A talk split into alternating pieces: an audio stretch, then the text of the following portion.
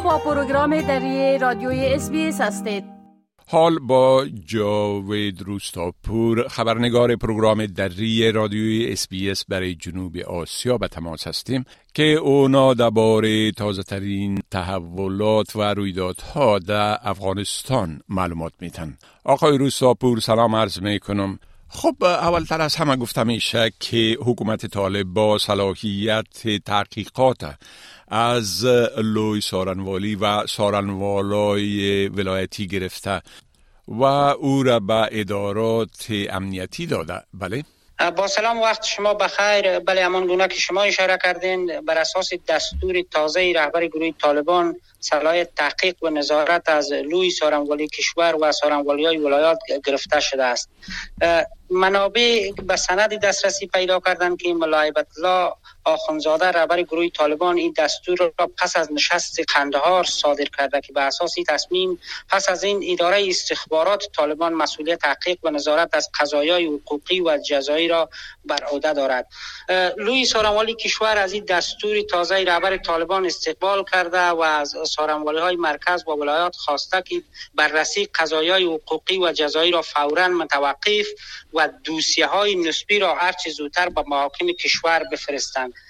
در مکتوب متحد المالی لوی سارنوالی آمده است که این تصمیم رهبر طالبان به منظور تامین عدالت و حاکمیت شریعت اسلامی اتخاذ شده و بالای همه سارنوالی های مرکز و ولایات قابل تطبیق است. این مکتوب لوی سارنوالی به تاریخ سی اسد از سوی لوی سارنوالی به ولایات صادر شده و رسانه ها به یک نسخه از این دسترسی پیدا کردن و همچنان در شبکه اجتماعی درس کرده اما آگاهانی امور حقوقی تحقیق و نظارت از متهمان را وظیفه اصلی سارنوالی های مرکز و ولایات کشور عنوان می‌کنند و تاکیدشان نیست که سلب این صلاحیت به معنی تعطیلی سارنوالی ها در افغانستان است. و باور آگاهان حقوقی لوی سارنوالی یکی از نهادهایی است که با دادن قربانی ها هزینه جبران ناپذیری شکل گرفته و باید به کارش مطابق قانون ادامه بدهد. از نظر آگاهان حقوقی طالبان بدون در نظر داشت هیچ قاعده و قانونی مزنونین را که ماها تحت تعقیب قرار میتن و بدون از اینکه اصول رعایت شه یا از طرف استخبارات شکنجه میشن و پس از آن به اثر شکنجه اقراری از یا گرفته میشه و با محاکم ارائه میشه پرونده های از یا که غیر قانونی است در حالی که تحقیق وظیفه لوی سارنوالی کشور است. بله. خب گفتم میشه که یک تعداد زیادی از معتادانی که از ایران اخراج شدن به نیمروز به سر می‌برن و در اونجا باعث مشکلات زیادی گفتم میشه که برای مردم شده و مردم شکایت می‌کنن. بله. با اخراج مهاجرین افغان از ایران تجمع معتادان مواد مخدر در ولایت نیمروز بیشتر شده. منابع محلی در نیمروز گفتند که حضور صدها معتاد که از ایران به افغانستان رد مرز شده در کنار جاده ها و در روی کوچه ها سبب مباحث شکایت دارند که معتادان اکثرا از ولایات دیگر هستند و با رد شدن از مرز ایران در این ولایت تجمع کردند چون دلیلش هم ای است که در اینجا تجمع کردند که با مواد مخدر به راحتی و با آسانی یا دسترسی پیدا می‌کنند و به گفته منابع برخی رسانه ها که گزارش کردند. این معتادان سبب مشکلات اجتماعی را به بار آورده در ولایت و جمعی از جوانان نیمروز هم که بیکار هستند به صف از یا افزوده شده و او هم مواد مخدر معتاد شدند. هرچند مسئولان محلی حکومت طالبان ادعا دارند که در ماهای آخر هزاران معتاد را نگهداری و به ترک اعتیاد واداشتند اما مسئولان شفاخانه های ترک اعتیاد در افغانستان و ویژه در نیمروز گفتند که برای تداوی معتادان هیچ امکاناتی ندارند و دوا و داروی وجود ندارد. شکایت ها از تجمع معتادان مواد مخدر در نیمروز در حال است که به تازگی باشندگان کابل و هرات هم از حکومت طالبان انتقاد کردند که هزاران معتاد را به بهانه ترک اعتیاد مواد مخدر جمعآوری و به زندان ها انداخته بودند و اینا نه تنها ترک نکردند که دوباره یار از زندان ها رها کردند و سبب مشکلات برای مردم شدند که در کوچه و پس کوچه ها میگردن معتادان و بیشتر سبب سرقت اموال خانه ها شدند.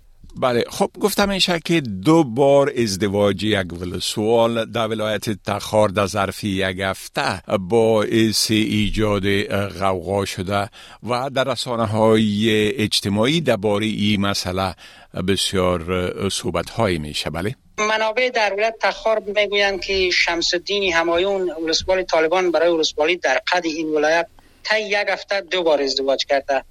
روزنامه های اطلاعات روز و اشت صبح به نقل از منابع محلی در ولسوالی در قد تخار گزارش کردند که این مقام طالبان روز چهارشنبه دوی اسد یک بار با یک دختری 18 ساله عروسی کرده در حالی که هفته پیش نیز با یک زن بیوه عروسی کرده بود که یک مراسم پر زرق و برق و پر مصرف را برگزار کرده بود.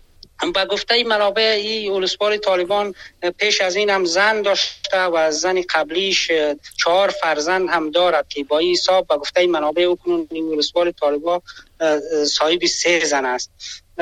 ازدواج ها در میان افراد گروه طالبان ازدواج های متعدد یکی از کارها یا مسائل مورد علاقهشان بود. ملاعبت رهبر طالبان هم چند پیش در یک فرمان نمودهی به چند همسری مردان اشاره کرد و گفته بود که کسی که چند زن دارد مکلف است که حقوق همه زنان را مطابق حکم شرعی بدهد و بین آنها عدل قائل شود. پیش از این هم یک سردسته طالبان در لوبر عروسیش را در چرخمال ها برگزار کرد که عروس را لوبر و پکتیا بود پکتیکا برد که سر و صداهایی در رسانه اجتماعی برپا کرده بود. این مسئله عروسی ورسوال طالبان هم از دیر روستاری در شبکه های اجتماعی غوغا برپا کرده و بعد تنز و چاشنیم بدل شده که بسیاری از کاربران شبکه اجتماعی گفتن که مردم گشنه هستند. در یک شبانه روز یک وقت نان می‌خورن ولی مقام های طالبات در یک هفته دو بار عروسی می‌کنند که این مسئله بسیار به گفته کاربران شبکه اجتماعی البته بسیار جای شرم است و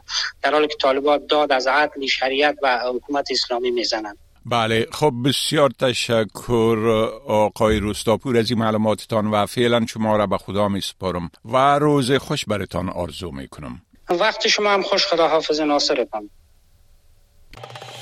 بپسندید. شریک سازید و نظر دهید. اسپیس دری را در فیسبوک تعقیب کنید.